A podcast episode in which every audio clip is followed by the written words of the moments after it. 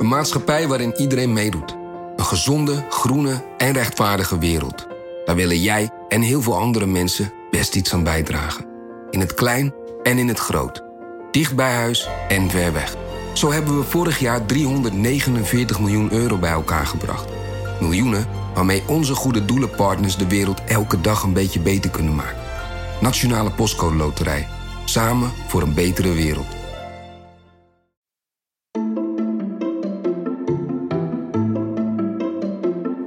Welkom. Wij zijn Onbehaarde Apen. Dit is een podcast van NRC over wetenschap.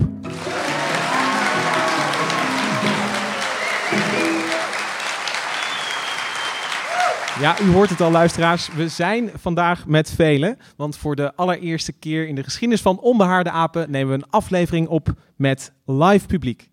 Uh, het, uh, we hebben er zin in.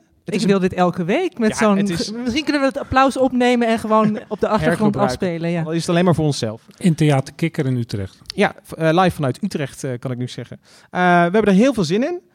Heel erg leuk dat jullie er allemaal bij zijn. We gaan beginnen. Nou, we zaten natuurlijk na te denken over waar gaan we het vandaag over hebben. En eh, we kwamen uit op menselijke evolutie. En eh, het, het beeld dat je dan hebt als je aan evolutie denkt, dan denk je aan het eh, bekende plaatje van eh, die, die aapachtige voorouder die dan steeds rechterop gaat lopen. En uiteindelijk kom Steeds daar onbehaarder wordt ook. steeds onbehaarder. Eh, op een gegeven moment krijgt hij ook een werktuigje in zijn handen, geloof ik. En hij eindigt voor de televisie. Ja, dat is, dat is, dat die moderne varianten. Maar uiteindelijk, in de klassieke vorm kom je dan uit bij Ja. Homo sapiens. Meestal een man. Ja, dat valt mij ook altijd op. Ehm, en wie heeft zich bij dat plaatje niet eens afgevraagd... wat komt daarna? Weet je wel, er zit, zit zo'n mooie lijn in. Wat is de volgende stap? En eh, nou, luisteraar, je bent niet de enige. Sinds we weten dat soorten evolueren... sinds we weten dat, eh, dat de mens evolueert... hebben we ons afgevraagd wat er na ons zal komen. En daar zijn science fiction eh, schrijvers mee bezig geweest. Last and First Man, een prachtig klassiek boek van Olaf Stapledon. Ehm, die Uit heeft de jaren 30. uit de jaren 30 al. Die, die, die stelt zich nog, nog 18 rassen mensen voor. Eh, en dat gaan wij vandaag ook doen. Wij stellen ons de vraag, evolueren wij nog? En zo Hoe loopt ja, het af? waarin en waarheen gaat het dan wel? Ehm, dat doe ik niet alleen. Daarvoor is vandaag aangeschoven Hendrik Spiering, redacteur eh, Menselijke Evolutie, kan ik Ja, wel zeggen. ook. Ja, Ja. absoluut. En eh Gemma Venhuizen zit ook aan tafel, redacteur Biologie. Ja, dus eh, nou ja, jullie zijn van de menselijke evolutie. Ik van de evolutie van koolmezen, ehm, kevers, muggen, et cetera. Wolven, honden. Noem maar op, ja. Maar bij elkaar hebben we een eh, flinke dosis kennis over menselijke evolutie, eh, denk ik, Ik hoop hier het. aan tafel zitten. Ehm, nou, laten we beginnen en dan kijken we naar een, een bijzonder gedachte-experiment over menselijke evolutie. Humans have been around on Earth for three, four million years. And it's only in the last 120 years that we've been able to transport ourselves at speeds that are way in excess of what our bodies are able to withstand. In a sense, the transport system has evolved way more quickly than what we as humans have been able to do. To create Graham, artist Patricia Piccinini began with a sculpture and slowly transformed it into a full blown crash protection structure. Graham is a wonderful example of art meeting science. We had a lot of very complex concepts relating to energy dissipation, the physics of crashes. And our job was to talk with the artist and help her to understand the sorts of ways in which the human body could be improved. For example, Graham has a very thick skull. It's multiple layers of bone and it's almost like a bicycle helmet. It's designed to crush and absorb the energy in a crash when his head impacts the front of a car or the, the steering wheel within a car. Ja, dit is een, een heerlijk gedachte-experiment. Het is We- wel leuk voor mensen die niet het filmpje nu zien, die thuis luisteren, om het even op te zoeken. Ja, ja, zeker de moeite waard. En, en wat, we, eh, wat we hier zagen was een, een, een soort mens met een, eh, met een helm als, als brein, een hele dikke schedel. Hij had ook een soort, eh, ja, toch, toch meerdere eh, borsten en tepels. Dat zijn een soort airbags, heb ik begrepen, van eh, toen Ja, de kunstenaar... had, weinig nek ook. Maar je, weinig je- nek. Je gaat je ook afvragen, het bredere plaatje, kan zo'n man zich nog voortplanten eigenlijk? Dan? Nou, hij kan heel goed autorijden en crashen, dat, dat weten we zeker. En het, het leuke van dit, was een filmpje van de, de Australische AWB, noem ik het maar even, gewoon om, om een soort rijveiligheid eh, eh, te bevorderen. Eh, en het leuke, op een gegeven moment zei hij ook, eh, ja, onze transportmogelijkheden die zijn veel sneller geëvolueerd dan wij mensen. En eh, nou ja, daarom dit gedachte-experiment. En ik, ik, Maar alles zit erin. alles zit erin. Dit, dit is die, die fantasie van wat komt er, wat is de volgende fase van de mens, is, is, is dit een uitwerking van. Maar de kunt- airbags die beletten dat eigenlijk, dat we een Graham nog nodig hebben. Ja, dus er zitten ook, je, je kunt je gelijk ook een, een aantal kanttekeningen. En eh, eh, ja, je kunt, je kunt het een beetje bevragen. Maar want wat het, ik, ik denk dat het zo zou gaan als mensen echt zouden evolueren als eh, dieren. Hè? Dus, dus als, er echt, als het echt zo zou zijn dat, dat, eh, dat je als mens in, in de auto geboren werd en, en je gelijk moest, moest gaan rijden, dan krijg je uiteindelijk een, een, een Graham. Ja, dan die- kunnen alleen mensen die er zo uitzien zich nog voortplanten. Als ze Ja. uit de auto komen tenminste. En, en jij stipt al iets heel belangrijks aan. En ik denk dat, dat, eh, dat we daar vaak op terug gaan komen. Dat ja, die, die culturele evolutie, die fietst er steeds doorheen.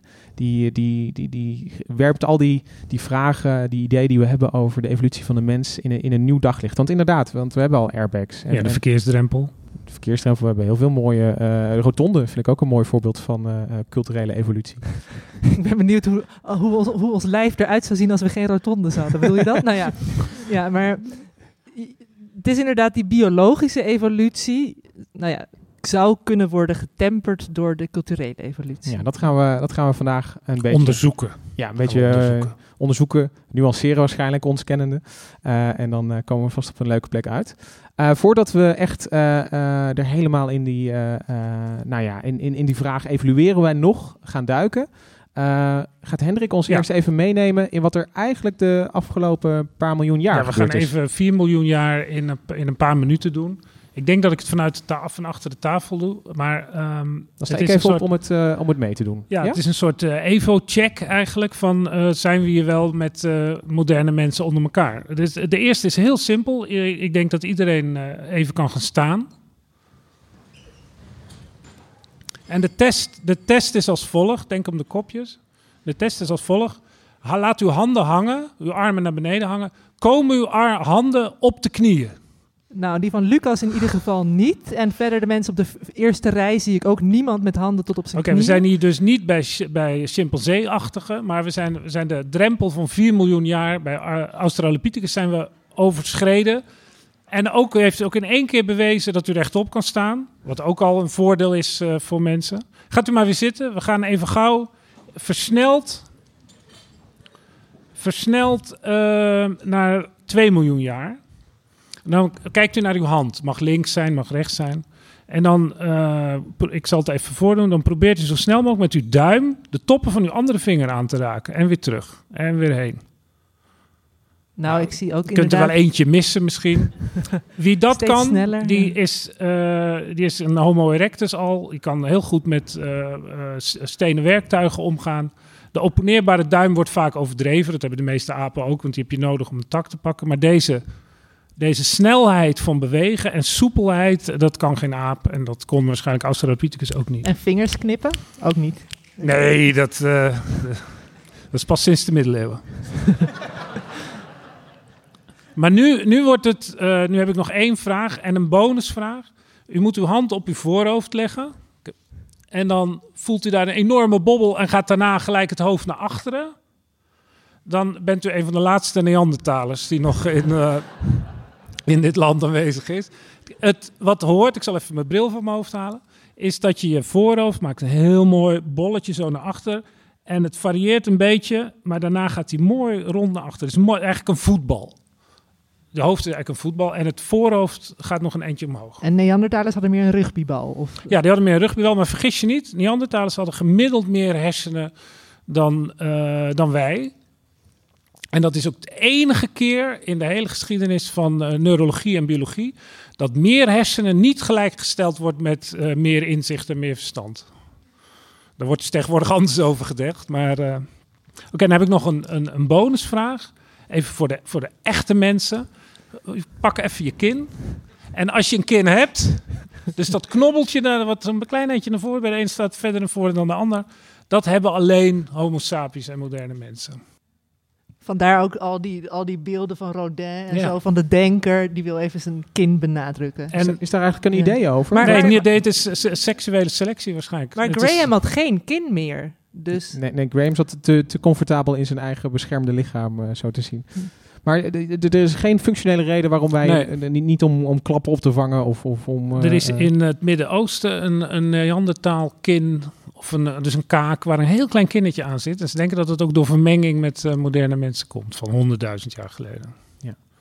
maar we dus, kunnen eh, hier vaststellen dat we vanavond dus Homo sapiens onder elkaar Ja. zijn. Ja. Zodat we ons veilig kunnen voelen en, en, en onszelf echt de vraag kunnen Ja. stellen van, van wat gaat er komen, dat, dat iedereen dan ook mee kan. We kunnen ook rustig over de Neandertalers praten. Ja, de meeste mensen zijn een beetje Neandertaler, weten we natuurlijk. Nou, nog, Nou, is eigenlijk het belangrijkste dat we hier zo rustig bij elkaar zitten. Ik ken een boek dat begint met iemand die zit in een vliegtuig en die eh, dat is een eh, evolutionair eh, bioloog. En die vraagt zich dan af wat zou er gebeuren als hier allemaal chimpansees zouden zitten in het vliegtuig. En je wordt aangestoten door een stinkende buurman. Nou, dat er dan allemaal afgebeten vingers op de grond liggen en dat het vliegtuig echt niet zal. Het kan opstaan. nog veranderen hè, gedurende de avond. De ordelijkheid van dit gezelschap maakt ons tot echte mensen. Ja, het- dat is echt, eh, als je hier als, als eh, eh, gewoon zooloog zou zitten en, je- en je ziet dat er zoveel dieren die elkaar nog nooit hebben gezien, in, in de meeste gevallen, dat, dat, dat die zo vredelijk, vredig bij elkaar zitten, dat, dat mag wel een klein wondertje heten, toch? Ja. ja. Oké, dus, dus eh, ehm, we zijn helemaal bij. Ja, we zijn bij. We zijn bij, we zijn, We zijn in het jaar 2019. zijn we aangekomen. En, en de vraag is nu die op tafel ligt, evalueren we nog door? Ehm, en ik denk dat er twee manieren zijn om eh, naar deze vraag te kijken. En, en de eerste schetste ik al aan het begin. Dat is, dat is die, ja, de, de, de blik van de science fiction schrijver, zeg maar. Hè? Die, die, die afvraagt van, van krijgen, we, krijgen we vleugels? Wat is, het, eh, wat is het volgende? Maar er is ook een... Röntgenogen. Ja, dus, dus, dus weet je wel, de... eh, Vleugels. de, de, de, de, de supermens bijna van, van hè, we- worden we telepathisch. En, en dat gebeurt ook eh, volop in dit boek. Weet je, op een gegeven Oh moment ja, heb dat je is een hele telepathisch Ja. hoofdstuk. We hebben ja. ook in het CRISPR-Cas eh, podcast hebben we wel eens over gehad. Er zijn, er zijn mensen die er zo hard van dromen dat ze het eh, werkelijk proberen te maken met genetische manipulatie, inderdaad. Eh, maar maar dat, is, dat is die blik naar voren. En je hebt ook nog mensen, eh, en, eh, en, en ik, ik snap het wel, want ik, ik dacht dat zelf ook ooit. Dat- en en die, die, die zeggen van, ja, die, die, die horen over Darwin en over natuurlijke selectie en over survival of the fittest. En die denken dan, hé, hey, maar wacht eens even, dat, dat geldt niet meer voor de mens. Nee, want we hebben nu airbags en brillen en Ziekenhuizen. ziekenhuizen. Iedereen krijgt te eten. Ja. En Ja. eh, dat dus er zit ook het idee van het is alleen maar evolutie als de, als de zwakken sterven. Ja. Dat is helemaal niet zo. Dat is, het is een hele, eh, dat, dat is de, de vrij koude eh, interpretatie van survival of de, de fittest, ja, denk ik. Van, eh, van een leerling van Darwin is dat ook. Ja, en, en dan, dan, dan hè, de, de, de, de denktrand is dan van, de, de mens heeft zichzelf buiten de natuur geplaatst. We zijn een, een, een culturele soort geworden, dus, dus die evolutie, die natuurlijke selectie, het zit al in, in het, in het Ja. woord, natuurlijk, die heeft geen vat meer op Ja, ons. ik denk dat dat ook komt omdat het, het hele idee in de 19e eeuw dat iedereen eigenlijk eh, onderdeel van de dierenwereld was, dat, ja, dat moesten ze dan bijna wel accepteren. Maar er werd toch onmiddellijk gelijk weer een nieuwe cordon sanitair omheen gezet van ja, dat, we stammen wel van de apen af, maar wij zijn nu cultureel. Wij zijn nu, ja, het bijna een soort einde van de geschiedenis idee wat je ook eh, na de val van de muur had. Nu is het klaar. Ja, maar dat is een Zijn hele er. arrogante gedachte. Heel arrogant. ja. Heel arrogant als u dit denkt. Heel arrogant. Allemaal. Nee, maar ik, ik, ik hoor ook, eh, eh, weet je, weet je van, van eh, ik, ik, ik, ik- weet van professoren die, die evolutie geven en, en die dan, dan dit ook vaak als vraag krijgen. Evalueren wij nog, want we hebben tegenwoordig ook zelfs de brildragers overleven. De brildragers worden altijd als voorbeeld Ja, gegeven op een ja. andere manier. Jij hebt er ook eentje, zie ik. Dus, Ja. Maar de, de, de, de vraag is of eh, dat beïnvloedt hoeveel kinderen je krijgt uiteindelijk. ja, dat, is, dat is altijd de Misschien cruciale maakt die bril jou wel extra aantrekkelijk. Dus, Dat is aan de, nou ja, niet aan de luisteraars, maar in ieder geval wel aan het eh, live Ik heb publiek. twee hele lieve kinderen. Dus, eh, Ehm, maar ik denk dat, dat hè, dus- dus dat zijn die twee manieren om tegen die vraag aan te kijken.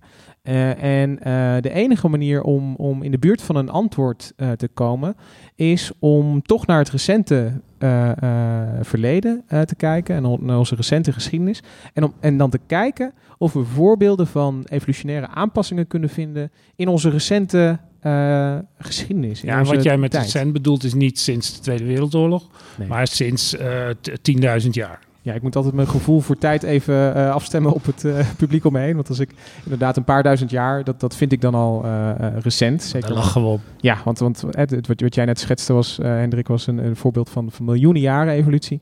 Dan is die laatste paar duizend jaar, dat is, dat is relatief kort geleden. Ehm, dus dat gaan we doen. We gaan even de, de evolutie bij de horens vatten. En kijken of we bij de mens eh, evolutionaire aanpassingen van, eh, eh, ja, van uit de recente tijd. Ja, dat is ook het vinden. enige wat we met enige zekerheid terugkijkend kunnen zien. Dat er al hele moderne mensen zijn, van, met landbouw al en alles, waar toch iets gebeurt. Want je kunt nu wel denken van, ja, misschien dat mensen die heel goed kunnen leren of heel goed in het onderwijs zijn, die krijgen heel veel kinderen en die, die zullen langzaam, zal die intelligentie zich verspreiden of juist niet. Maar daar is eigenlijk heel weinig onderzoek naar. Nou, dat weten we gewoon niet. En het is ook allemaal zo recent. Die Maar dat, dat voorspellen is denk ik ook het ingewikkelde. Dus het is heel verleidelijk hier om, om, om steeds een, een, eh, een, een, nieuw, eh, een nieuwe hypothese te genereren. En, een- en een verhaal van, eh, nou ja, kijk, als we, als we echt heel lang blijven autorijden, worden we zoals Gray. Weet je wel, dat, dat, dat kun je, maar het, is wel leuk. het is hartstikke Ja, maar leuk. ook als je midden in de evolutie ziet, dan, dan heb je daar ook een blinde vlek voor, denk ik. Dan, Ja, het is het, denk ik het even moeilijk, hè, de, de menselijke evolutie voorspellen is even moeilijk als, als de, de geschiedenis voorspellen. Dat, dat, dat gaat bijna niet. Weet hebt je wel, wel van naar- onderzoeken, dan kijken ze ook naar bijvoorbeeld hoe goed een intelligentietest in de jaren 30 was gemaakt. En dan meestal in Zweden en Denemarken, omdat daar die, die, die, eh, die, die burgerlijke stand zo goed eh, in elkaar zit. En dat is ook allemaal openbaar. En dan kijken ze naar hoeveel kleinkinderen krijgen dan, eh, als je dan iets beter scoort of niet. En dat, ja, dat hele idee dus dat, wat je wel eens in de cultuurpessimistische kringen hoort, dat mensen die, die heel dom zijn, die krijgen heel veel kinderen. Dat is gewoon niet waar. Dat, dat kun je al zien in, in dat, in dat Ja, maar ja, dat Zweedse- geldt dan voor Zweden, zeggen dan de Ja. echte cultuurpessimisten. In Nederland gaat het heel anders. Eh, Nederlands is heel anders. Nee, dus, dus we gaan, eh, dat, dat, dat spreken we even dan bij deze af. We gaan naar dat, dat recente eh, eh, verleden kijken. En daarvoor heb ik jullie weer even nodig, want ik eh, wil eh, handen zien eh, in het publiek. En dan eh, wil ik weten wie er de afgelopen week eh roomijs gegeten heeft, eh, melk gedronken heeft of karnemelk mag ook. Handen graag. Nou, dat zijn er echt behoorlijk veel. Nou, ik zie toch wel mensen die hun hand niet opsteken. Nee, er zijn er een paar die het die nou, het we hebben niet doen. hier karnemelk voor de liefhebber zometeen. Maar yoghurt geldt dus niet, hè? Nee, yoghurt geldt niet. Die heb ik er expres buiten gehouden. Want eh, gefeliciteerd iedereen die net zijn eh, hand opstak. En eh, dan moet ik er gelijk bij zeggen, zonder veel eh, maag-darmproblemen de rest van de week is eh, doorgekomen. Maar ik vind ook mensen die niet hun arm hebben opgestoken, die mogen we ook feliciteren. Die feliciteren we. Iedereen gefeliciteerd. Ik vind, we zijn nu met homo sapiens onder elkaar, inclusief. Ja, je hebt gelijk. Iedereen gefeliciteerd, maar de mensen die melk hebben gedronken... toch weer die het- oude, oude survival of the fittest-achtige gedachte. Ik Die even over- sommige mensen in deze zaal zich bijzonder laten voelen en andere mensen minder bijzonder. Dat, dat, dat kan heel Waarom, even wil- waarom wil je dat? En Waarom dan, draait het straks wel weer om. Dat komt wel weer goed. Eh, Dadelijk zitten we weer gewoon met z'n drieën natuurlijk. als we iedereen beledigd We hebben. hebben gezien dat iedereen kan staan, dus iedereen kan ook weglopen nu in theorie. Dat, Gefeliciteerd, melkdrinkers. Jullie hebben die eh, bijzondere kracht dat jullie eh, eh, de- de- dat glas melk dronken en dachten, hmm, lekker. En eh, zo de dag zijn begonnen. Dat hebben jullie aan evolutie te danken. Want jullie kunnen nu iets wat eh 10.000 jaar geleden nog bijna niemand kon. Jullie kunnen lactose verteren. Alleen baby's konden ook. Ja, oh sorry. Ja, baby's konden het wel. Zijn ook mensen. Ja, baby's zijn ook mensen. ja. En, en eh, dat is misschien het bijzondere. Alle zoogdierbaby's kunnen het. Weet je, dus ook als je een kitten of een puppy bent, kun je lactose verteren. Ehm, maar het is bij alle zoogdieren zo, echt zonder uitzondering, dat dat na eh, de, eh, de, de, de, de baby-kindertijd, dat dat stopt. Ja, dat- waarom eigenlijk? Ja, dus, dus eh, daar moet, moet ik toch een klein beetje zeggen wat, wat lactose is. Lactose is melksuiker. En eh, suikers, dat, dat zijn een soort ringvormige eh, mo- moleculen. En in het geval van lactose zijn het twee ringetjes aan elkaar. En eh wij hebben een, een enzym, een eiwit als baby, wat die, die dubbele ring zeg maar in tweeën kan knippen. Dan heb je twee losse ringetjes en die kunnen je darmen gewoon opne- op- opnemen. Bij alle zoogdieren wordt dat enzym na de kindertijd uitgezet. Maar onze darmen, de kinderdarmen en die van ons dus ook niet, zijn in al die eh 160 miljoen jaar dat de zoogdieren bestaan, niet aangepast aan dat lactose-eiwit. Of Nee, lactose-suiker is het Nee, natuurlijk. en, en je kunt je ook wel voorstellen wa- wa- waarom. Want het is voor elk eh, zoogdier op een gegeven moment goed om op eigen benen te staan. Als je elke keer dat je honger hebt naar, naar mama kan. En eh, eh, dat, is, dat is voor die moeder ook niet eh, leuk. Dit is een soort hint van je lichaam van nu oprotten en... eh, ja, het, het is een heel elegant mechanisme dat je in die, in die eerste fase... eh, Een dat, soort dat zelfstandigheidsenzym. ja, zo kun je het wel een beetje noemen. Op een gegeven moment krijg je er darmproblemen van. Als Ja. je, Dan laat je het wel. ja. Krijg je een hekel aan je moeder. Nee, maar dat, is, dat, is, dat is een hele gezonde dynamiek. Dat, dat zoogdieren op een gegeven moment, die moeder waar ze ontzettend afhankelijk zijn, weet je wel, waar een hele naam vandaan komt, dat, dat we zogen. Dat is dus wel interessant, want dat betekent dus dat de moeder hierdoor beschermd wordt. Ja, Ook hadden weer dus nieuwe- precies. Dit was de, de, Dat hele haar reden. moeder natuurlijk. Nee, maakt niet uit. Nou, dit- nu, nu horen de luisteraars thuis ook nog dat het echt een live Ja, uitzending dit- dit- dat het geen studiobandopnames waren. Maar dit is dus, dan kan de moeder meer kinderen krijgen. Ja, ja, precies. Want de moeder moet uiteindelijk ook, een, een, eh, eh, ook weer verder. En, en eh, er komen misschien nieuwe jongen aan. Dus, dus, dus dat werkt op zich heel goed. Maar goed, nu staat de karnemelk op tafel. Ja, ik zit nog even. Ik zit ook te kijken of er nog een waarschuwing is. Pas op, bevat lactose. Dat zie je ook wel eens, toch? Op zo'n pak. Nou, voor, ik denk dat het... Er Er staat ook staat het vooral melk sticker op. met korting op. ja. Oh ja, jullie zien meteen mijn gierige inslag. 35% korting. Nee, maar er staat ook het woord melk op. Dus ik denk dat de, de mensen die weten dat ze niet zo goed tegen melk kunnen, die hoop ik dat ze de Ja, karnemelk... maar toch, op, op, pinda's bestaat ook pas op eh, bevat noten. Sporen van of- ja. noten. Ja, je zou... Pinda's kan sporen van pinda's bevatten. Nou, eh, dus eh, tegenwoordig leven we in een wereld. eh, de- als, stel, stel je bent eh, normaal, noem ik het maar even. Hè, en je lactose Ja, ga gaat. je weer. Nee, nu geef ik de mensen een compliment die, die geen lactose kunnen afbreken eh, als Oh, volwassenen. want, want dan ben je normaal. Dan, dan, eh, eh, dat, dat is zo- zoals de rest van de zoogdierwereld in elkaar zit. Je bent een jaar of drie, eh, dat, dat lactose wordt afgebouwd. En vanaf dan, als je melk drinkt, eh, krijg je eh, Leer je het af. Diarree meestal. Eh, gasopbouw. Het is een vervelend gevoel. Mensen die lactose intolerant zijn, het is, het is echt vervelend. Als je, eh, want het, overal zit melk in eh, tegenwoordig. Omdat in dit stukje van de wereld, en dan, dan bedoel ik Noordwest-Europa, is het zo dat tot, de schattingen lopen uiteen, maar tot 90% van de bevolking lactose tolerant is. En wat dat betekent, dat Is- klopt ook wel een beetje met eh, de vingers. ja, we zagen echt heel veel handel omhoog. En, en, en ik heb alleen gevraagd naar een, een fenotype. Hè? Of, of ze melk drinken. Ik, misschien zitten er ook onder de niet-drinkers Dat van mensen die het wel, heel vies. Ja. wel kunnen, maar het niet zo lekker vinden. Of denken van, ja, dat heb ik niet Dat is meer de hele nodig. evolutie voor niks geweest. Zonde. Gebruik dat enzym, mensen. Ehm, maar dan, dan, dan eh, dat, dus in dit stukje van de wereld, 90% van de mensen is, is lactose tolerant en houdt dat enzym dus aan. En, eh, dus dat is echt een genetische ingreep Ja. in het genoom. Dat, normaal wordt het uitgezet. Ja. Maar dus we zijn een soort moederskindjes dat we... Nee, het, is, het heeft niks met onze moeders te maken. Dat is het leuke. Het heeft alles te maken met, met de dieren die we houden. Met het vee. Met het vee. Daar moeten we uiteindelijk heen om te snappen waarom wij lactose tolerant zijn. Ja, want wanneer begon de landbouw? 10.000 jaar geleden Ja. ongeveer. Ja, dus, dus vanuit het... eh, eh, heel snel geiten en schapen. Ja, dus, dus in het Midden-Oosten eh, zien we, is voor, voor ons eh, eh, deel van de wereld, de- kunnen we terug eh, plaatsen. Ja, dat was ook het oudste ook. De, de oudste. Eh, dan begint het en, en dan verspreidt het vanuit daar. Zie je dat er steeds eh, met, met een soort hopt het zo steeds eh, langs de Middellandse Zee. eh, gaat het Zuid-Europa in. Kilometer per generatie geloof ik. Of 10 kilometer per Ja. generatie. Heel snel. Europa gaat het vooral in via de Donau, geloof ik. Als je het eh, terug. eh, Maar, maar hoe was het dan? Was er toevallig iemand die door een mutatie wel eh, tegen melk kon? Of Ja, dus, dus alle eh, mutaties die, eh, die ontstaan toevallig of zijn aanwezig in een populatie, maar in, in zo, zo'n laag aantal dat je, het, eh, dat je het eigenlijk dat het net zo goed onzichtbaar zou kunnen zijn. Weet je wel, s- stel er waren in, in, in het begin van die landbouwtijd, mensen beginnen ermee, er waren er, er waren er maar vier, weet je wel, van, van de, van de 10.000. Dan- Ja, en in het begin van die landbouw werd er, werd er die schapen vooral over het vlees gehouden ook. ja, je moet ook op het idee komen om überhaupt onder een uier te gaan hangen dan. ja, dat, dat, Je hebt wel een voorbeeld natuurlijk. ja, maar dat is natuurlijk iets wat. Ja, maar dat is wel zo'n. Weet je soms zie je, hoor je mensen wel eens naar koeien kijken. En dan zeggen ze van ja, wie toch op dat idee is gekomen. Maar ja, eigenlijk is het heel erg logisch. Want melk is ongeveer de enige vloeistof die bedoeld is om gedronken te worden. ja, Ja, ik bedoel, water is daar niet voor gemaakt. Bier. nou ja. Ja, nee, maar dat is gemaakt. De, de, de natuurlijke vloeistof. die, die- ja, dat is wel een interessante gedachte. ja, dus, dus het, het idee om melk te drinken is niet heel gek. En, en, en, en nogmaals, die, die, dat is niet- dat is niet bedoeld voor consumptie, Hendrik. Spreken met consumptie. Maar wat het, eh, eh, eh, het idee om melk te drinken is helemaal niet zo gek.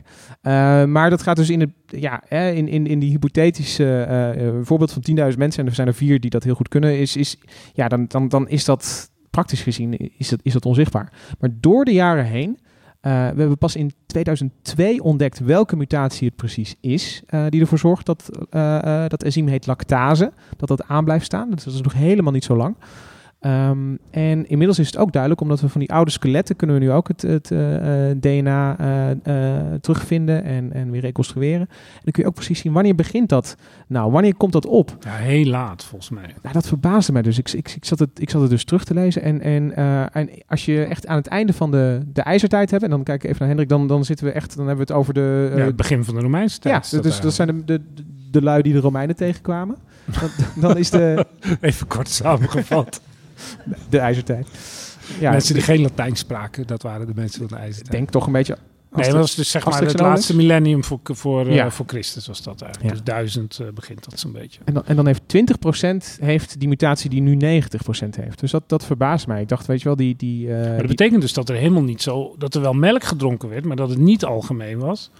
En dat er dus... eh, eh, want je, je- die, die, die 80% die, die, die leefde ook prima Niet al die verder. Romeinse legioenen dat ze allemaal eh, massaal aan de Nee, en melk er- gingen. er zijn zoveel alternatieven. Je kan er kaas van maken, yoghurt. Ja. Ja, ja nou houdt het op geloof ik.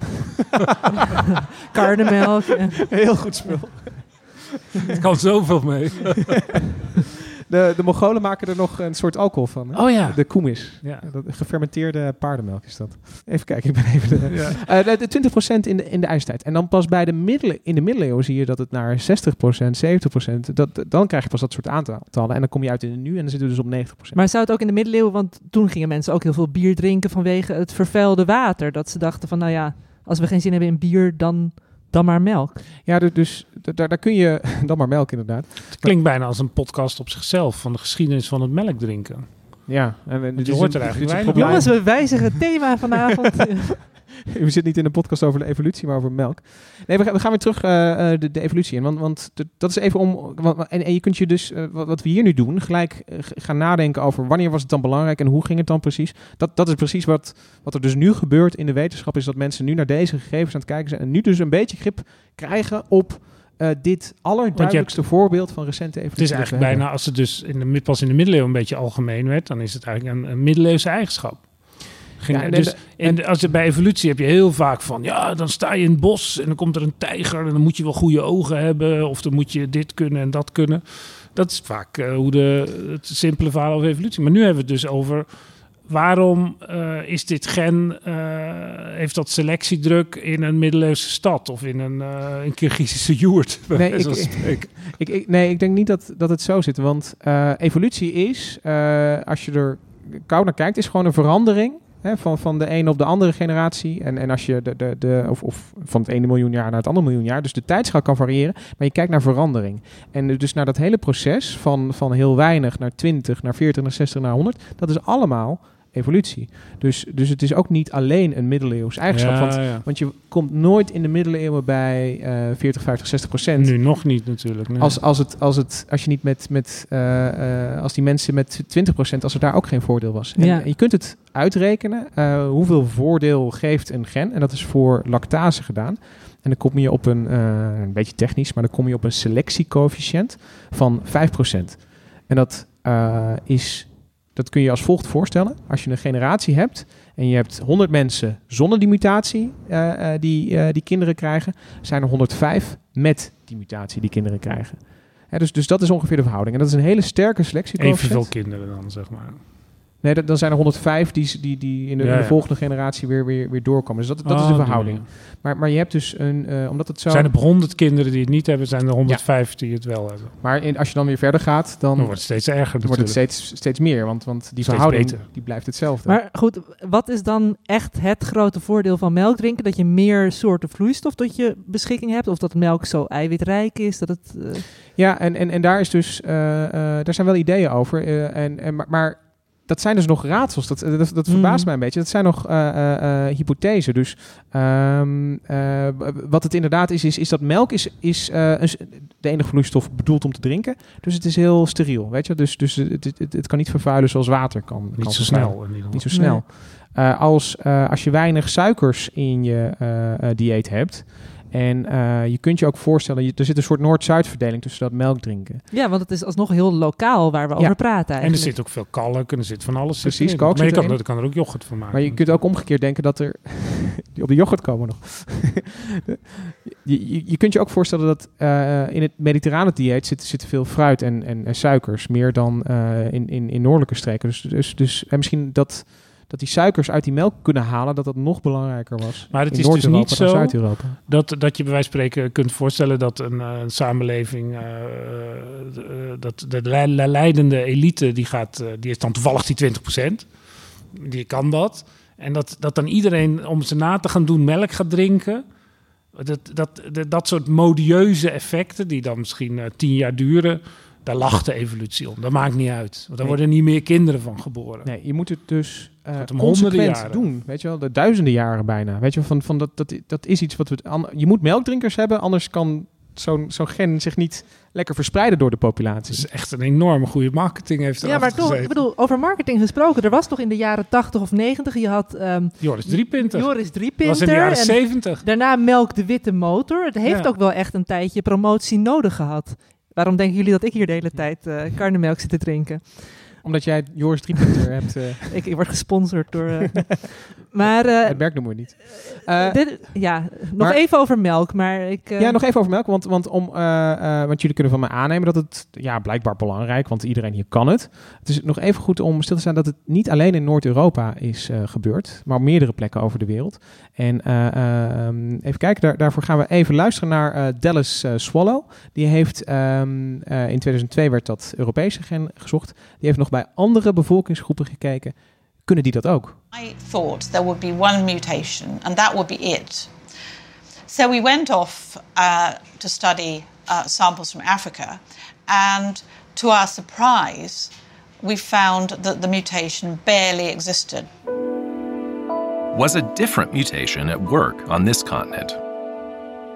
Then a young professor, geneticist Sarah Tishkov, traveled to a number of African countries to find out. We've now looked at Tanzania, Kenya, and the Sudan, and Ethiopia.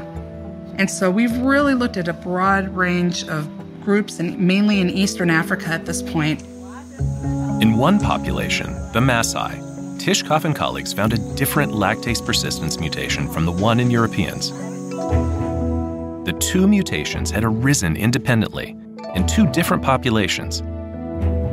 In each case, providing adults with the ability to digest milk. Tishkov was more than pleased. Thrilled, excited. You know, you rarely, right? It's so unusual to actually find a variant that appears to be correlated with such an interesting trait. Ja, dus je ziet het niet alleen in, in Noord-Europa, maar ook in, in Afrika, in het Midden-Oosten ook. eh, dat, dat melkdrinkers daar op allemaal hun eigen manier eh, dus melk kunnen verteren. En, en dat, de biologen noemen dat convergente evolutie. Dus als dezelfde eigenschap op een andere manier weer ontstaat. Maar dat, dat onderstreept wel dat, dat het, dat het ontzettend... Dat betekent ook dat het een soort logica is dat als je eenmaal vee hebt, dan, dan komen dus op, op drie verschillende mensen, plaatsen zijn mensen op het idee gekomen dat je die melk eigenlijk ook eh, kon drinken. Dat je er geen yoghurt van hoefde te maken. Ja, maar er zijn op, en dat is het, het laatste wat we dan over melk gaan zeggen. Dan, dan, komen die, eh, dan, dan, dan komt die joert van onze luisteraar komt weer in beeld. Want dan zit je daar met, met die mensen in, in, in Mongolië, die, die steppenvolkeren, die melk drinken, maar het niet kunnen verteren. En, en, en dat, zijn dus, dat zijn dus de problemen die, die nu in de, in, de, in de wetenschap spelen. Is, is maar van, ze drinken gefermenteerde melk. ja, ze drinken gefermenteerde melk. En, en ze gaan dus denken van, ja, eh, waarom ehm, drinken mensen daar minder eh, eh, rauwe melk? om, het maar te- om het maar zo te zeggen. En, en, en, en maken ze er yoghurt van of, of koemis. Maar dat is eigenlijk de oudere gewoonte. ja, en, en dan kun je bijvoorbeeld afspraken. Het is heel onhandig als je over de step op je paard zit om dan met, met melkflessen eh, rond te rijden. Weet je, dus, Dat is een veeban. ja, dat, dat, dat, dat, dat, dat melk opslaan is, is moeilijk als je zo mobiel bent. Dus misschien heeft het te maken met hoe honkvast je bent. Misschien is dat een van de dingen die, die, die, die van invloed is. Dus op die manier proberen ze helemaal in beeld te krijgen eh, welke, ja, waarom het zo is dat sommige mensen het wel kunnen en sommige mensen niet. Dat blijft een beetje een raadsel. Oké, Maar dat is dus eh, een voorbeeld van recente evolutie. ja. En eh, ik, ik, ik was zo'n beetje aan het kijken en heel veel van de voorbeelden... heel huiselijk eigenlijk. Ja, en ik heb nog een, je hebt het al even genoemd Hendrik, ik heb nog een huiselijke vloeistof. Spuug. Hebben we ook allemaal. Uh, Oh, en ja. eh, ehm, eh, als, als je met, met het testje wat jij aan het begin deed, met kijken of we eh, mensen of, eh, of, of chimpansee zijn. Als je bij een chimpansee zou kijken en je gaat in DNA kijken, dan hebben ze twee kopieën van het eh, gen amylase. En wat amylase doet is eh, zetmeel verteren. Zetmeel zit in aardappelen, pompoen, eigenlijk alles wat een beetje Knollen. Eh, weet je, alles, alles wat goed voor je is, maar wat je veel te weinig eet. Eh, Patat. ja, als je gaat frituren, dan maak je het zetmeel stuk. Sorry. Ehm, maar dat, nou ja, daar, daar zit allemaal zetmeel in. En een chimpansee kan er niet zoveel mee. Maar wij, wij hebben tot 15 kopieën van dat gen. Maar wat zit dat in Nou, de spuug? spuug dan? allemaal eventjes. eh, Maar, Je kunt het testen. En maar er een- zit amylase in je spuug. Ja, het zit in je spuug. Alleen in je spuug. Nee, het zit ook eh, in je... eh, eh, het wordt ook in je, volgens mij in je maag wordt het Oh, ook oké. eh, en dat breekt zetmeel af. Ja, dus de, de vertering van, van die knol, van die wortel, begint eigenlijk al in je mond. En eh, dat het zo enorm is uitgebreid, dat, eh, eh, dat wil maar, maar, maar zeggen hoe eh, eh, belangrijk... Want bijna alle mensen hebben, de, hebben dit. Maar het is een, een, een, een chimpansees hebben het niet. Maar de Neandertalers, hebben die het ook? Die, die, die hadden het ook niet. Die hadden ook maar twee kopieën. En dan hebben we dus hè, de Neandertalers, dan hebben we, een, het, hebben we het over een mens die hier eh, in Europa leefde. We weten dat ze ontzettend van eh, jagen hielden. Dat ze waarschijnlijk veel vlees in hun, hun dieet hadden. Ze waren, Neandertalers waren niet zo van de knollen. Nee, dat, dat blijkt nu al, ja. Ja, maar wij mensen, wij zijn echte zetmeeleters. Dus laat je niet niks wijsmaken door eh, eh, diëtisten ook die eh, alle zetmeel uit je dieet willen Ja, of, charlatans die dat willen. of charlatans die dat willen. Eh, mensen zijn zetmeeleters. En dat, eh, dat weten Ja, we al sinds de, in de ijstijd al. Dus voor de landbouw ook. Het is niet het gif wat de landbouw ons eh, gebracht Nee, dat heeft. wordt ook nog wel eens verteld van, van och, die landbouw heeft Ja. ons zoveel ellende bezorgd. Nou, die, die, die, die melk met de, het, het zetmeel. Maar niks is minder waar. Zetmeel is een heel belangrijk bestanddeel van het dieet. Ook van jagers-verzamelaars. En dat het in het spuug zit, even nog een huiselijk voorbeeld. Dat is ook eh, met als je een kwijlend kind pap voert, dan zie je het soms al op de kin verteren. Nou, probeer het allemaal even uit met je neefje, nichtje, buurkindje. Ja. Dan is de pap weg daarna. Nou ja, het is, je moet meestal veeg je het dan snel weer weg, maar je moet even geduld hebben. Maar het, het grappige hier is ook weer dat, dat als je bij, bij sommige, eh, eh, we, we weten er zijn ook mensen die, die een, een, een beetje net zoals de Neandertalers veel van vlees leven, de Inuit bijvoorbeeld. En in Noord- Noord-Siberië, daar, eh, daar kun je ook gaan kijken. En daar hebben de mensen veel minder amylase. Om maar te zien, het, het is blijkbaar daar niet zo belangrijk. Dus, dus hè, toen de mensen zich over de, eh de dan- planeet Ja, dus, dus dat wat je niet dus, gebruikt, ja. dat, dat verdwijnt vanzelf ook weer. Ja, dus, dus evolutie heeft ook Ja. geen doel van, van alles maar meer amylase of dus zo. in de zin van Ja. Stapleton zijn wij al derde mensen. Je hebt de mensen zonder, am- zonder veel amylase en zonder eh, lactase is het dan? Nee, met lactase, Met lactase met, als volwassenen. Ja. ja. en met amylase. En dat, wij staan dus al op de derde tree. Oh, dat is die science fiction schrijver. Ja. oh ja. Ja, waar Hendrik en ik allebei fan van zijn. Ja. Lees dat boek. Nou, mensen. mogen jullie me vanavond een stukje uit voorlezen? Ja, ik, heb echt een, ik weet zo waar ik mijn favoriete fragmenten kan vinden. Dat, eh, Maar ter zake. ter zake. Ehm, om, om even te... eh, ik, ik, ik praat er net... Dat, dat probeer ik altijd heel soepel naar een fragment toe. Maar dit, dit, dit zijn dus de jagers-verzamelaars en hun knollen. Um, tubers are pretty famous and they keep showing up in terms of many models of human evolution and, and models of the evolution of the human diet. The Hadza consume four species routinely. One of the things that makes tubers so interesting is that they can often be buried um, up to four to five feet in the ground. So women, Hadza women tend to forage in groups. Hadza men hunt, uh, typically solo, sometimes in pairs. And um, tubers, as we now know based on mounting evidence, can be consumed. Uh, they can be collected throughout the year, both in the rainy season and in the dry season, and it's it can be very backbreaking work. En wat eh ehm Alistair Crittenden hier, hier laat zien... is, is dat die... eh, dit, zijn eh, vrouwen van de Hadza... die eh, dus die knollen eh, weten te bereiken. Die, Ja, die de Hadza, dat is een van de weinige volkeren die nog zeg maar volgens een soort jagers-verzamelaarsprincipe leeft. Ja, dus, eigenlijk- maar, maar wat, ze, wat ze laat zien is hoe moeilijk het is om, om die eh, knollen te bereiken. En ik denk dat we nu, nu eh, naar, naar, naar ons, ons, ons grote punt eh, toe kunnen. Want eh, voor, om melk te gaan drinken moet je iets geks doen. Weet je, je, je, je moet op het idee komen, we gaan die melk van die dieren die we houden, die gaan we drinken.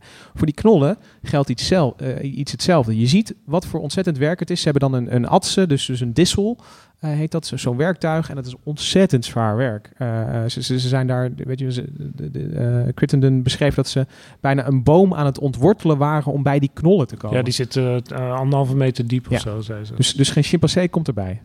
Eh, eh, je hebt een werktuig nodig en het idee van ik ga die knollen halen om, om bij die knollen te komen. En toch, hè, ook al zijn het allebei gekke ideeën, die mensen consequent zijn blijven doen. En wat zie je? Je ziet dat eh, eh, je vindt die aanpassingen terug in ons DNA. Ja, het lichaam past zich erop aan eigenlijk. Als Ja. het maar lang genoeg duurt. Dus. Ja, en ik denk dat we nu dus eh, met deze twee voorbeelden, en er zijn er meer, er zijn inmiddels tientallen, honderden genen bekend die, die zijn noem er veranderd. nog eens één dan. Nog eentje dan. Een, eh, wel, een, wel een gave vind ik is ehm, in de Atacama-woestijn in, in Zuid-Amerika. Er zit veel arsen in eh, de bodem. Arsen, ontzettend giftig. Iedereen hier die, die, die valt meteen om met, met, een, eh, met, met een beetje arsenicum. Eh, maar daar zie je dat, dat omdat die, die bodem, het, het, het, zit- het, het zit bijna in alles. En dan zie je dus verhoogde arsenresistentie van, van eh, in het DNA. Kun je terugvinden bij eh indianenvolkeren die daar leven. Ja, die leven daar dan al duizenden jaren. eigenlijk. Maar, maar, maar, maar je punt is dus eigenlijk dat... Ja, dat, we, eh, dat, dat de dingen die we doen. Hè, de, dus, dus, eh, en dan heb ik het over cultuur. En, en dan is het ook even goed om, om te zeggen wat, wat cultuur is. Want cultuur is niet. eh, weet je, tegenwoordig als je een kunstkenner vraagt, dan is Van Gogh is cultuur. En weet je wel, tekeningen van mij zijn geen cultuur. Als je, Kunst. Ja, maar, maar weet je, er is een soort. Hoge cultuur. ho- hoge cultuur is daar een definitie van. Het is ook niet. Wat als in je, de cultuurbijlage staat. Ja, de cultuur, een prachtige bijlage. Er staan geen cultuur. knollen in de cultuurbijlage. Nee, precies. er staan balletvoorstellingen, er staan opera's, allemaal Ja, prachtig. Toneel, heel veel Ja, toneel. maar, maar dat, dat is een definitie van cultuur. Andere definitie is van cultuur is als je op vakantie gaat en eh, oh, wat is het eten hier lekker en oh, wat gek dat die mensen hier een buiging eh, maken. Ja, maar die bedoelen al niet. Maar, wat bedoel je wel? Wat ik wel bedoel is, eh, Ga maar weer naar huis. Ik wil aan het bier zo meteen. We hebben nog allemaal die muntjes. Ja. nee, wat, het, eh, wat, wat cultuur voor, een- voor een antropoloog of een evolutionair bioloog is, is eigenlijk alle informatie eh, die we aan elkaar overdragen. Alles wat we doen. Hè, dus, dus alle, eh, eh, het, het pakket van alle gewoonten, alles wat we van elkaar leren eigenlijk, is cultuur. Dus dat eten in het buitenland en die buiging, dat is Ja. wel degelijk cultuur. Want dat leren ze allemaal van hun vader en moeder. Opera is ook cultuur. Want dat, dat, dat, niemand bedenkt dat ook eh, in zijn eentje. Weet je wel, van dat, dat moet je ook Nee, verteld dat is ook worden. een gewoonte eigenlijk. Die over, een overdraagbare gewoonte. Dus, eh, maar het zijn kleinere voorbeelden van cultuur. Als een, een eh, antropoloog over cultuur praat, dan praat hij zeg maar over, over alles wat mensen doen wat, wat, wat niet aangeboren is. En dat is, dat is nogal wat, dat is bijna alles. En toch zie je dus dat overal eh, eh, in het DNA zie je dus dat sporen van dat, dat wij ons hebben aangepast, ons, ons, onze natuur, aan de cultuur die we zelf gemaakt hebben. Ja, want de mens is, eh, kenmerkt zich dat hij zijn eigen omgeving eigenlijk creëert. Dat doet natuurlijk een bever ook. Maar wij doen dat in, eh, in extreme mate. Dus eigenlijk passen we ons wel degelijk lichamelijk aan aan onze culturele uitvinding. Wat we in het begin zeiden we van nou, door cultuur, doordat we airbags hebben, hoeven we eigenlijk lichamelijk niet te veranderen. Maar jij zegt nu van doordat we cultuur hebben, veranderen we alsnog. Ja, als we het dus maar, eh, ja, als het echt dingen zijn die ertoe doen en die we lang genoeg doen. Want het, er zit natuurlijk wel de kwestie in van, van eh, biologische evolutie is, is gewoon wat slomer. Ja, want van- eigenlijk is het zo dat eh, eh, de, wat geldt als evolutie is dat je dan een verschil, een, een- het, het gedrag of, of het, het- de, de genetische eh, eh, verschillen, die moeten een verschil maken in hoeveel kinderen, hoeveel kleinkinderen je hebt. Ja, uiteindelijk wel. Ja, maar daar heb ik ook nog wel een vraag. En Want het dat gaat dan ook vaak jaren, eeuwenlang. Het gaat ook vaak hè, over seksuele selectie, over aantrekkingskracht. En als we het dan over cultuur hebben, denk ik ook aan, aan mode. Als ik nu aan, aan, aan de hipstercultuur denk, eh, mannen met baarden, houthakkers over hemden, weet ik veel wat. Zorgt dat ook voor evolutie? Gaat dit nu evolueren in meer mannen met lichaam? Nee. Meer, meer Meer behaarde mannen met houthakkers. Een genetische voorkeur voor houthakkers Ja, nee, zeker. zou Ja, ik nou, dat zou dus, ja, is dat, eh, dat, Ik- ik- dat- ik een soort het- pauwenstaart, eh maar dan in de vorm van houthakkers. Ja, en, en dan vind ik een goed voorbeeld. En ik, eh, ik, ik bedenk net, eigenlijk waar je dus niet op selecteert is, is, is dat wat het is. Het, het is niet de baard, maar het, het is misschien je vermogen om aan te passen aan die nieuwe modus. Dus, dus of het nou de, de, de uitingsvorm een, een, een, een baard is of een veer in je haar. Maar misschien is die seksuele selectie meer op of, of, of iemand ja, dat soort snelle dingen op kan Oh ja, als je pikken. valt of op een goede ja. culturele eh overnemer. Of iemand flexibel is, ja, Ja. of open staat voor veranderingen. En, en ja, dat, dat is natuurlijk altijd het ingewikkelde van, van dat soort eh, subcultuur. Is dat aan de ene kant zit er spanning tussen. Weet je, van aan de ene kant wil je eh, eh, een beetje anders zijn. Weet je, het, het is, met- de- eigenlijk is het, zijn die hipsters wel een heel leuk voorbeeld van ja, hoe, hoe, hoe ingewikkeld het is. Want aan de ene kant wil, je, wil iedereen dus, dus een, en dat is ook evolutionair zo een beetje bekeken, een, een, een beetje uniek zijn. Maar aan de andere kant moet je wel Maar weer conformeren aan een bepaalde... Het, het menselijk patroon wat al, zeg maar, dat iemand zeg maar de laatste mode in stenen bijlen had. Dat, dat is dezelfde eigenschap. Dat gen hadden ze toen ook al. Ja, misschien wel. Dus, dus eigenlijk zou ik zeggen ja, er is een Maar we soort weten- selectie op, op Ja. hipsters. Ja. Ja, Wel een beetje. Ja, of niet hipsters, als dat net weer eh, beter in Ja, is. het kan allebei naast elkaar bestaan. Ik bedoel, er zijn verschillende strategieën om een partner aan de haak te kunnen slaan. Je hoeft niet alleen maar sterk of knap te zijn. Ik heb laatst een Koolmees-onderzoeker on- eh, geïnterviewd. En die zei ook van, ja, de Koolmees-mannetjes die net iets minder stoer zijn... die zijn dan juist bijvoorbeeld weer heel zorgzaam voor hun kinderen. En dat is ook een succesvolle manier om een vrouwtje aan de haak te slaan. Maar ik denk dat er op die manier heel veel dingen zijn waarbij je van menselijk gedrag kan, kan zien dat die, dat die ja, selecteren op best iets ingewikkelds. Maar het, het, we weten gewoon niet of hipsterbaarden leiden tot meer kinderen of niet, natuurlijk. Nee, dat weten we niet. Dat ik over een Nee, paar dat- honderd jaar... Nee, ja. maar het is, want ook, we weten natuurlijk ook niet hoe die, hoe die flexibele geest van de mens, dat denken we dat die heel, dat vinden wij zelf dan heel erg flexibel. Dat, ja, dat, hoe de, dat zijn allemaal een beetje just so stories. Ja. Dat dat met het jagen en dan eh, de zorg voor de kinderen werd gedeeld. En eh, er zijn zelfs theorieën dat eh, een van de redenen waarom de menselijke leider, zeg maar, niet eruit ziet als een gorilla. Maar een, een, man of tegenwoordig ook een vrouw is die heel goed is in het overtuigen van anderen. Dat komt omdat eh, door de stenen werktuigen eigenlijk eh, in, in, in, in dierlijke termen iedere slemiel met een, een, vu- een vuistbijl of een hamer Is gevaarlijk. is gevaarlijk. En dan kon, dan kon toch die, die, die stoere leider behoorlijk wat schade toebrengen voordat, het, eh, het, voordat hij kon, wat kon, terug kon doen. Dus er is een, een soort gesprek ontstaan, omdat. Ja, het klinkt nou ineens heel Amerikaans, omdat iedereen bewapend was. Ja. En toen werd opeens goed kunnen praten. ja, dus werd een soort gelijkheid, Ja. een soort afgedwongen gelijkheid. Ja, Omdat, ik denk dat de NRA je heel dankbaar is voor dit argument. Maar, maar ik- wat ik ook nog aan zit te denken, want eh, we hebben het nu over menselijke cultuur en of dat bij mensen dan voor meer of minder baby's eh, zorgt. Wat ik een heel interessant voorbeeld vond, is dat menselijke cultuur ook bij dieren soms heel erg kan doorspelen.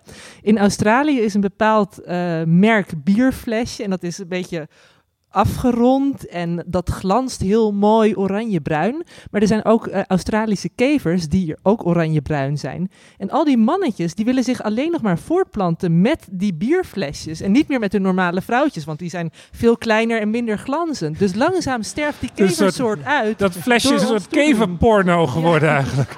Ja, maar...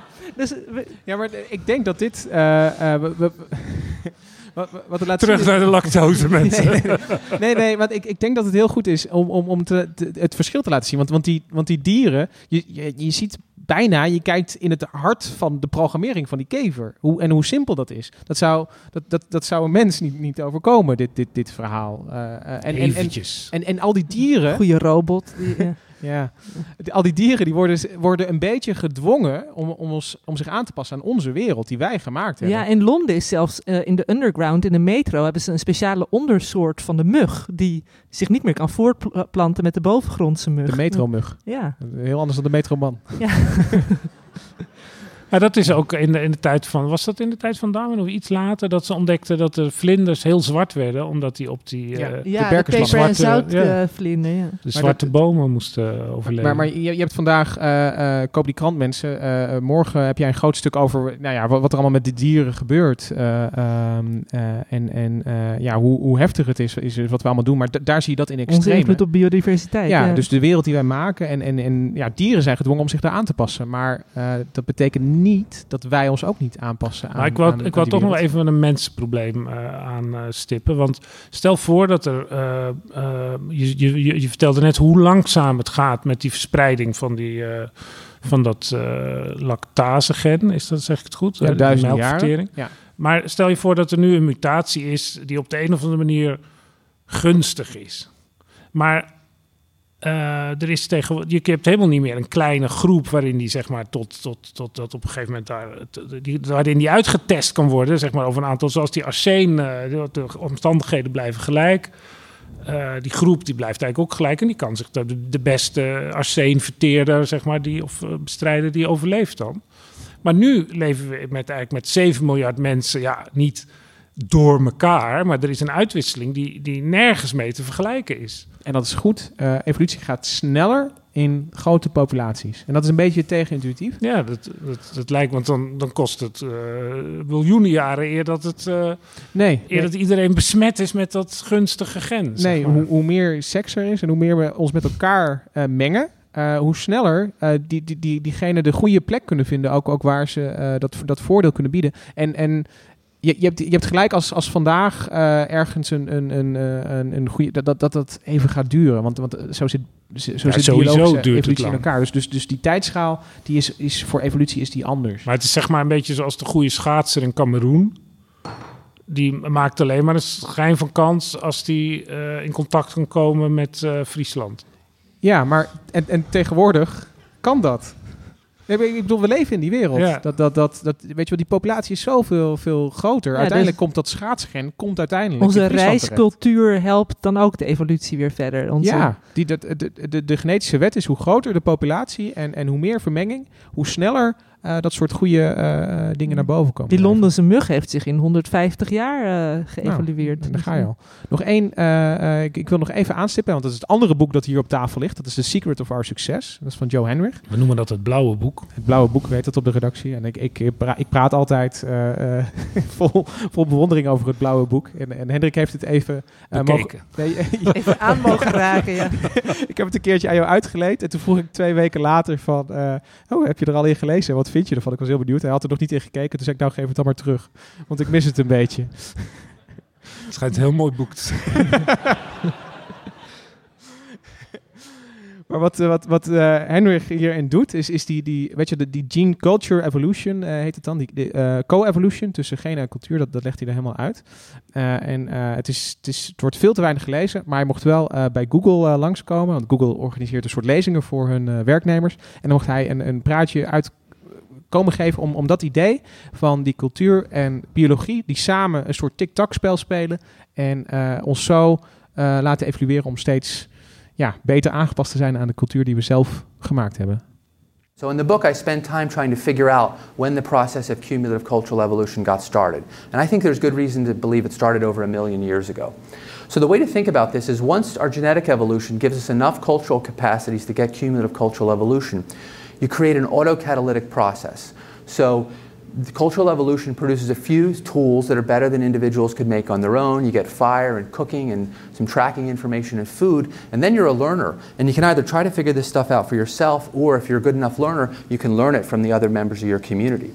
And so that's going to favor brains that are better at doing cultural learning, at acquiring and organizing all of this information. Uh, then once you have bigger brains, you're going to increase the size of this pool. So you get this interactive effect where no matter how big your brain gets, you're going to have more valuable cultural information that if you can't learn it and acquire it, you're going to, you're going to lose. Now this process, of course, eventually hits the stops because of the, the primate body plan. The, the canal where the baby has to come through can only get so big. And so natural selection has shaped us so that our, our uh, babies are born premature. Their heads kind of squish up when they come through the canal. Other primates don't have this problem. Uh, and in fact, our babies are born about a, trimester too early because the woman's body has to get the baby out before its head gets too big. Maar dat hits de stop, wat hij zegt, dat gaat dus over brein. Het lijkt Ja. alsof het over genetische evolutie gaat. Maar dat gaat dus over de groei van het brein. Ja, dus, dus ik vind het een beetje jammer dat hij dit voorbeeld hier heeft geko gekozen. Je hebt het filmpje zelf Ja, ik heb het zelf uitgezocht. Maar dit was het beste eh, wat ik kon vinden. En, en, en wat, ik er, wat, wat ik het Het boek is beter, mensen. het boek is echt heel goed. Maar, maar je ziet die, die, die culturele en, en biologische evolutie zie je om elkaar heen draaien. En hij heeft dat voorbeeld met, met die breinen eh, eh, uitgekozen. En dan zit er inderdaad een grens. Want, want ja, ons, ons brein kan niet nog groter worden. Nou, ik dan denk meteen aan keizersnedes. Ik bedoel, Nou, dat kun je je afvragen. als iedereen een keizersnede gaat doen, dan kunnen de baby's ook nog wel drie maanden langer blijven zitten. Nou, misschien gaan we daar wel heen als, als niet maar dan die moeten ze... moeders daar blij mee zijn. Nee, nee, nee maar als, als, dat, als we daar maar lang genoeg mee doorgaan... Weet je, en dan, dan, dan moet het niet een, een trend zijn van, van, van 30 jaar... Eh, maar ja, wie weet wat er dan maar kan ik gebeuren. dacht even dat hij naartoe zou gaan. En misschien doet hij dat ook wel in zijn boek. Dat, hij, eh, dat dus dat brein kan niet groter. Je hebt het boek thuis gehad. Het brein kan niet groter. En, eh, maar de cultuur die kan natuurlijk wel nog groter. Dus de, de, de, de, de, onze mensenlijn die is eh, terechtgekomen op een soort expansieve, cognitieve eh, eh, ja, expansie. Dat is eigenlijk dubbel.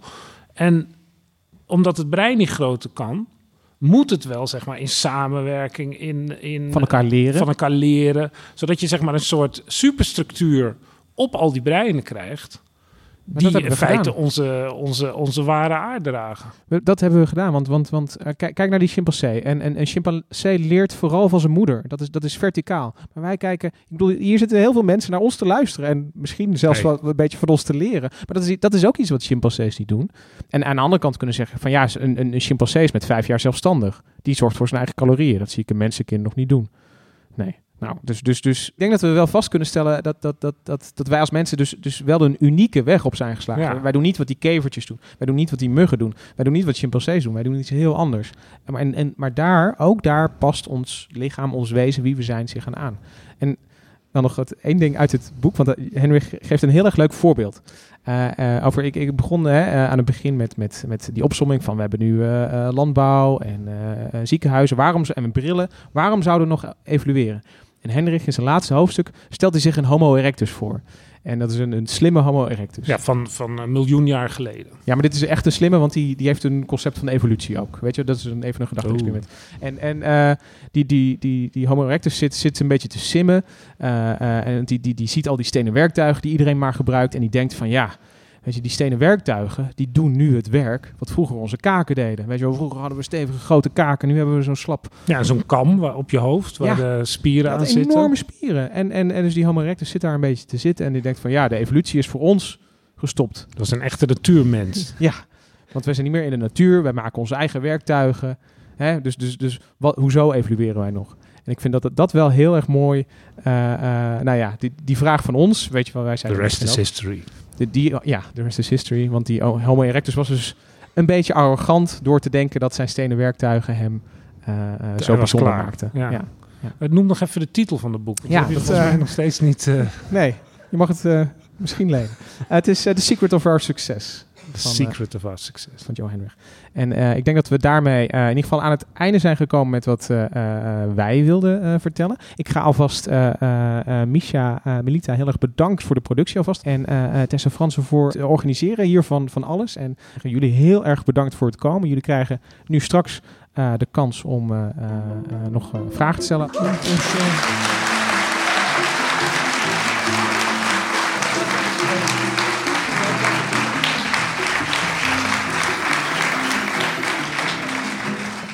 Ja, nu staan eh, jullie jongens. Eh, kom maar op, brand los. Hou je niet in. Ik hoop dat niemand bang. Daar, de eerste. Yes. Goed in de microfoon eh praten. Je mag even je voornaam zeggen en dan je vraag. Hoi, ik ben Merel en ik heb een vraag over of we evalueren met ehm, de voeding die we nu hebben. Want we hebben zoveel calorieën tot onze beschikking. Denken jullie dat we net als die animatiefilm, ik ben even de naam kwijt. Wally. Ja, denken jullie dat we die kant ook opgaan qua... ehm, of kunnen we dat op een gegeven moment ook nou ja, ehm, gebruiken met ons lichaam? En Ja, dus er is natuurlijk wel iets bijzonders gebeurd in eh, de afgelopen eh, paar eeuwen, denk ik. En dat is inderdaad dat de, de, het aantal calorieën dat we hebben is ineens explosief eh, gegroeid. En ehm, eh, er, er zijn wel ideeën over dat, ehm, nou ja, dat, dat ons lichaam zich niet helemaal raad weet met die overdaad. En, en, ehm, Maar dat kan alleen maar als je dan eh, een gen hebt, waardoor je daar beter tegen bestand bent of minder. En dat dat invloed heeft op het aantal kleinkinderen wat je hebt. Ja. Dus dat is nogal wat. Ja, dat is altijd de vraag die, die, die je moet stellen. En, en, en we weten dat, eh, dat overconsumptie en, en obesitas dat dat gepaard gaat met gezondheidsproblemen. Eh, eh, dus je kunt je wel een, een, een, een weet je, van, en, en we zijn hier weer, weer in het ter- terrein van de speculatie terechtgekomen. we is trouwens dat de culturele beweging ertegen is eh, eigenlijk ook al heel sterk. Ja, dat is wel interessant dat je dat zegt. Onze de, de culturele aanpassing met dieetboeken en eh, eh, gezondheidstrend. Bewust- ja, bewustzijn, bewustzijn. Die Gaat alle kanten op, maar... Die gaat alweer veel sneller dan, eh, ehm, dan onze biologische evolutie zou kunnen. Dus misschien kunnen we het met onze, eh, met onze sterke cultuur al wel weer keren. En, en, en Nederland is daarin wel een bijzonder eh, voorbeeld als, als een van de weinige. En, en dat wordt soms dan gekoppeld aan onze fietscultuur, geloof ik. Maar Oh. aan, aan, aan- wij zijn wel een beetje een, een uitspringertje als het gaat om eh, eh, dat soort trends. De, de Amerikanen kijken altijd heel verbaasd naar eh, Nederland dat het, eh, dat het hier zo goed gaat. Is, is deze vraag beantwoord? Ja, dankjewel. Vroeg hij aarzelend. Ah, een andere vraag. Hallo, ik ben Oscar. Eh, allereerst heel erg leuk dat jullie dit organiseren. Eh, ik denk dat ik namens heel veel mensen spreek. Ehm, tien jaar geleden ongeveer is er een eh, soort van tussenstap een beetje ontdekt in de evolutie, de epigenetica. En ik vroeg me af, eh, ik heb er eigenlijk helemaal niet over gehoord deze avond, maar het is denk ik wel een belangrijke ontwikkeling. En ik zat zelf na te denken, ik hoorde iets over die, eh, die vlinders. Maar dat is eigenlijk een hele snelle evolutie die zomaar ineens plaatsvindt. Ik vroeg me af of jullie misschien daar iets over zouden kunnen zeggen. Oh, dat was eh, zonder vraagteken trouwens. Maar ja, je, je vraag was, kun je ook iets vertellen over epigenetica? ja. Eh, ja, als je, eh, en, en dan, dan ga ik het gewoon even, even helemaal, niet helemaal vanaf het begin, maar eh, als je, als je dus, dus biologische evolutie, nou, dat, dat gaat generatie per eh, generatie. En, en weet je wel, elke keer dat er weer iemand bevrucht, dat er weer een eicel bevrucht is, dan worden de dobbelstenen opnieuw gegooid, bij wijze van spreken. Die culturele evolutie gaat heel snel, want dat kijken we van elkaar af. En dan zou je eigenlijk kunnen zeggen dat die epigenetica zit daar een beetje tussenin. Wat epigenetica is, is het, het idee dat het, het, het, wat je nu doet, beïnvloedt hoe je genen worden afgelezen. En, dat, eh, en het is ook duidelijk dat bepaalde epigenetische veranderingen, dat je die ook kan doorgeven. Eh dus een bekend voorbeeld, eh, volgens mij is, ik weet niet precies waar dat is gedaan. Ik denk ook in Scandinavië. En, en die, dat voorbeeld maakt wel veel duidelijk. Want daar, daar is gekeken naar mensen die honger hebben geleden. Nee, dat is in, Nederland gedaan, een hongerwinter. Ja, de kinderen die in de Oh. hongerwinter zijn Ja. geboren. Of toen bevrucht zijn. Die zwangerschap tijdens de hongerwinter. En, en, en- langer dan tien jaar geleden ook, volgens ja, mij. En, en wa- wat het dus was, is dat die... eh, Ja, eh, die hongerwinter natuurlijk. maar, maar ik bedoel dat onderzoek natuurlijk. Het is wel handig, publiek. Weet je gelijk of je iets, eh, iets geks gezegd hebt. Ehm, maar, maar die studie met, met, eh, eh, eh, met moeders die dus honger hebben gehad. ehm, bekend is dat heel veel van, van die kinderen hebben, volgens mij was het idee, da- da- daarna zijn een beetje obese geworden en, en wat Ja. dikker. En het idee is dat er dus door die honger die, die, die de moeder had, bepaalde genen aan en uit zijn gezet. Waardoor die, ja, die kinderen, die dus blijkbaar in een tijd van schaarste. Eh, eh, ja, vond hun conceptie plaats. Dus die, die, die wat meer eh, calorieën vasthouden. Maar het is dus een heel ingewikkeld proces. Want Ja. daardoor worden dan... ik, ja, ik, ik, ik, ik weet wat het woord is, maar wat het is weet ik eigenlijk niet. Methylisering. Methylisering. Methylisering, daar ga je al. Ja. Methylisering. En dat, dat is een soort klemmetje wat dan op dat gen wordt Ja. gezet. Waardoor het niet wordt afgelezen, of juist wel. Epi, en dan kijk ik toch weer naar jou. Dat is een beetje de bo- bovenop. Zoiets. Ja. Jij zit beter in je gids. Eroverheen. Eroverheen. Het, het is een laag over je DNA heen. Dus, dus, dus ehm, weet je wel, bepaalde genen kunnen daarmee aan of uit worden gezet. Maar heeft dat ook meer... Hè, eh, er wordt ook wel onderscheid tussen een soort zachtere evolutie en een harde evolutie gemaakt. Eh, zachte evolutie is dat er wel verschillende genen naast elkaar kunnen blijven bestaan, maar eh, dat die allemaal eh, Ja. afzonderlijk kunnen worden geselecteerd. Is, Ja, ik, ik vind dat een, een, een, een hele goede vraag. Maar ik denk dat ik maak eerst even dit, dit epigenetische stukje af. Ik, ik denk dat, dat je met die epigenetische eh, ehm, ehm, veranderingen, als dat een rol speelt, dan is het meer dus om, om tussen generaties, zeg maar, eh, dingen even bij te stellen. Ja, dat is eigenlijk een soort repertoire. Er zitten verschillende repertoire in dat, Ja. in dat genetische systeem. En afhankelijk van de omstandigheden waaronder de vrucht groeit. Er zijn ook andere dingen. Ik geloof dat de vader en de moeder die hebben ook een soort strijd wie er dan het meeste invloed op kan hebben. Dat doet er eigenlijk niet zoveel toe, maar door de omstandigheden wordt er een bepaald repertoire benadrukt. Dus het, dus het is een soort. En dan de, maar de volgende generatie, die dan als zeg maar de kinderen van die van die ge, ge- gemethiliseerde eh hongerwinterkinderen, die krijgen ook weer een kind. En dan kan het weer helemaal opnieuw beginnen. Als die zeg maar in welvaart zijn opgegroeid, dan eh, gaat die hele handel eraf. Niet per se allemaal obese. eh, Ja. Nee. Dus, Dus, ik, je, ik- hebt een, iets, je hebt een soort erfelijk, maar het is ook weer niet erfelijk. eigenlijk. Nou ja, het, het, het is een soort micro-erfelijkheid of zo. Het is, er zit een soort flexibiliteit in. En dat is natuurlijk super mooi dat we dat hebben. Maar ik denk dat, dat voor die, die, die evolutie waar we het over, over hebben. Ja, uiteindelijk is dat natuurlijk ook weer onderhevig aan, aan, aan selectie. Maar is, is in die zin Ja, speelt in het die geen in- het- hoofdrol in de aanpassingen eh in, niet in in lichaam. maar je kunt misschien, misschien krijgen we ooit nog een extra repertoire erbij. Ja, dat kan. Ja.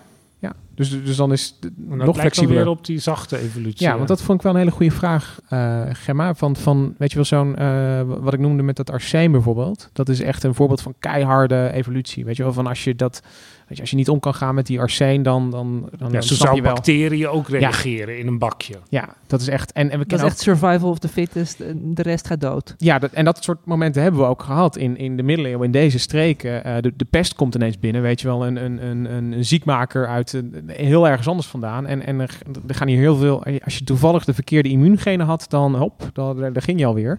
En, en, en dat is echt, eh, dat, dat is een hele klassieke survival of the fittest. selective inderdaad. sweep wordt dat genoemd. Selective de be- de bezem ja. erdoor.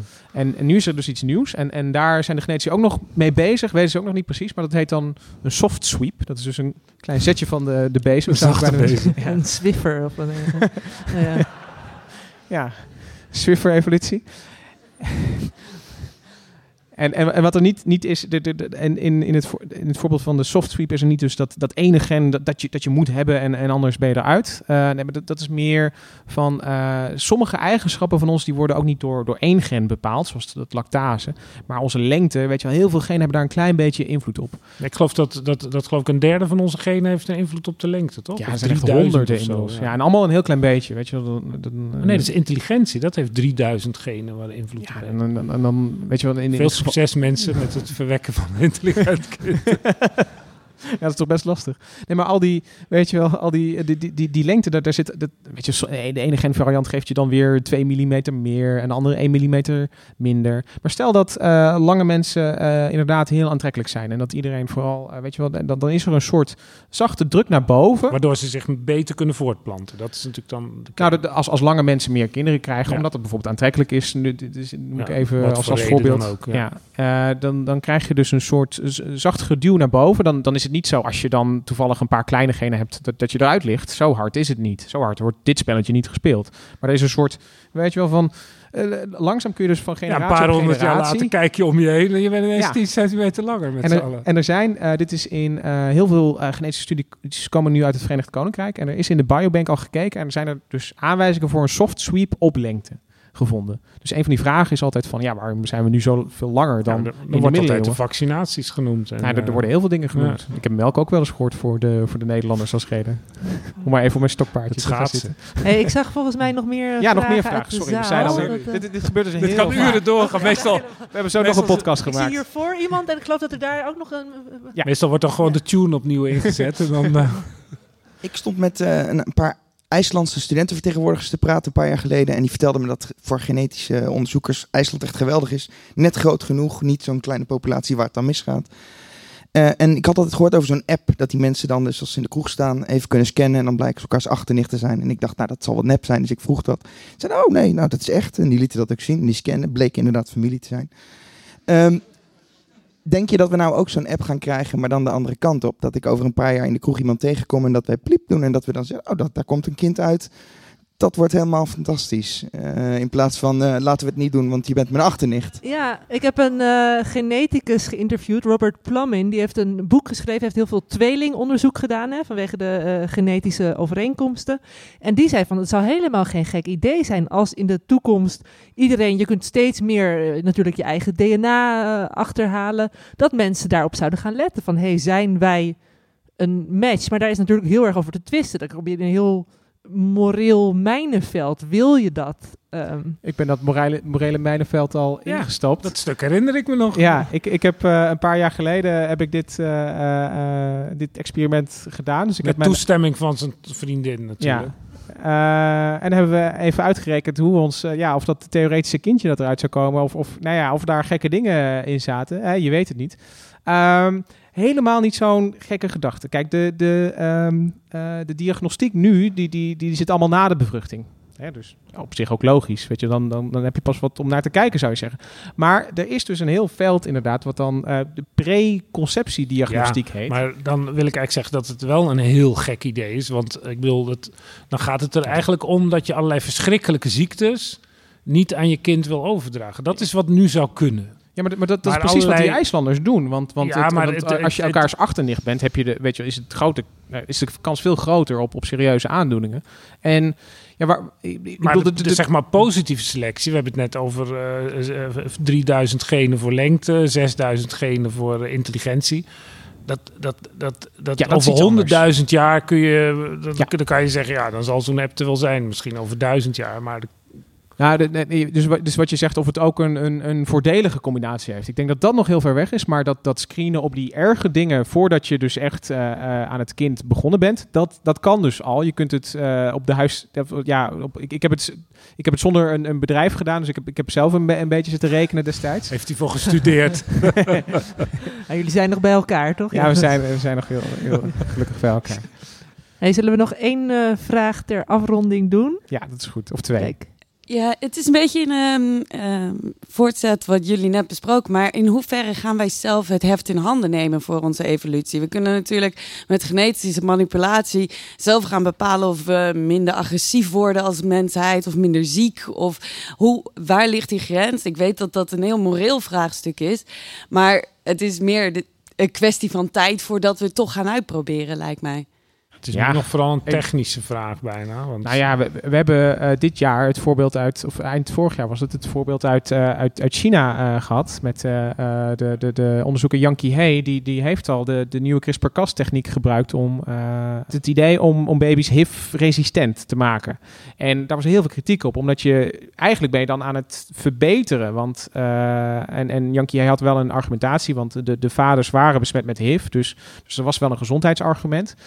Maar toch waren heel de veel vraag genetici was een ook of beetje... het zou werken ook nog. Ja, de- de- de- de- bijwerkingen. ja, er zijn nog heel veel vragen over. Dus het wordt als heel onverantwoord gezien dat hij dat heeft eh, gedaan. Maar het is een hele goede vraag. We hadden vooraf ook besproken van daar gaan we het niet over. Ja, Want dan, eh, eh, misschien kennen jullie de boeken van Yuval Harari. Die heeft daar ook een boek, Homo Deus, over geschreven. En dan, eh, dat, ja, dat gaat, het is, het is totale speculatie. Maar je voelt wel dat er iets gaande is. En eh, ja, misschien de volgende keer moeten we het daarover hebben. Maar het is heel veel speculatie. Maar ja, als je, als je nu al ziet dat... We zijn met zo'n bijzonder experiment bezig als, als mens. Überhaupt met, met, met die, dat hele, die hele culturele kant. Je weet je wel, van het is echt anything goes eh, straks. En, eh, dus, dus daarom ook, weet je wel, van Rob, jij vroeg over die... eh, hoe zitten we er over 100.000 jaar bij? Ja, als, als we onze Als handen niet van de knoppen kunnen houden, dan... Dan zitten we hier als drie soorten. Waarschijnlijk. wel. dus, want op een gegeven moment, je krijgt dan ook sociale verschillen. Mensen die rijk zijn, die kunnen die, die, die enhancements, ik begin nou een beetje science fiction Ja, het wordt helemaal science fiction. Eh, die kunnen dat wel betalen. En die, die, die, ja, dan heb je, heb je 3 miljoen uitgegeven om, om, om je kind eh, bepaalde genetische eigenschappen. En dan gaat hij met de verkeerde meisje. Dus al dan heb je kleinkinderen, je begin weer helemaal bij nul. Dat gaat natuurlijk niet gebeuren. Dus dat, dat worden eigenlijk eh fokgemeenschappen, waaruit uit binnen een aantal eh, generaties een bijna aparte soort zal ontstaan. Ik, ik, ik vind het superleuk dat Olaf Stapledon in 1930, DNA was nog niet ontdekt, maar die, die, die zit al, die, die heeft in een van zijn, in een van zijn stappen van de evolutie gaat daarover. Dat, dat, weet je, dat is natuurlijk al, al een vraag die ons al, ja, als mensen al heel lang bezighoudt, denk ik. En, en, maar het komt steeds dichterbij. Dat is het, eh, het, het enge misschien wel, of het, eh, het gekke. Ja. Nog één vraag, de laatste. Ehm, ik ben Caro. Ik luister altijd met heel veel plezier naar jullie podcast. En ik had een totaal ongerelateerde vraag. Ik vroeg of jullie zelf een favoriete aflevering hadden. Oh. Ah, de moeilijkste vraag voor het laatst. Oh, ja. ja. Nou, ga maar begin maar. Deze, omdat jullie er allemaal bij Oeh. zijn. Applausje voor jezelf.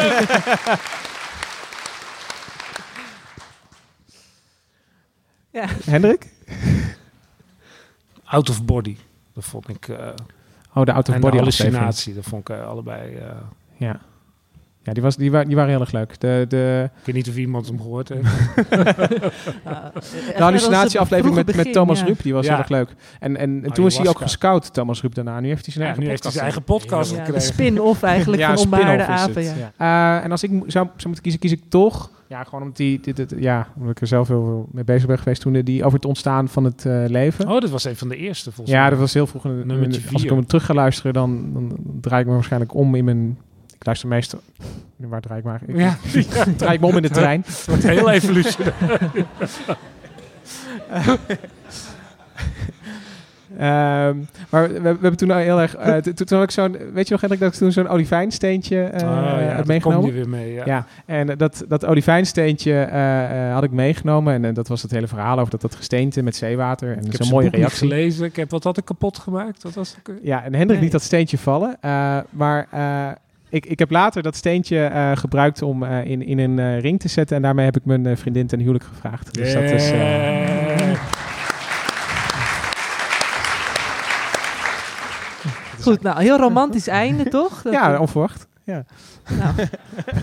Jullie mogen ook nog met ons praten zometeen. Ja, ja, dat, dat, willen. dat, dat kan. Dat maar kan- ga ook vooral op zoek naar een leuke evolutionaire partner, denk ik, tijdens de borrel. Dat, eh, En dan nog een eh, allerlaatste dingetje. En eh, dat is een beetje gênant. eh, maar we, we zijn genomineerd voor de BNR eh, Podcast Award. Als jullie stemmen, dan, dan- ja, dan is dat heel Nee, je erg moet lief. dan zeggen, Oh. ga dan stemmen op Ga- je favoriete podcast. Oh ja, dat is... Ja.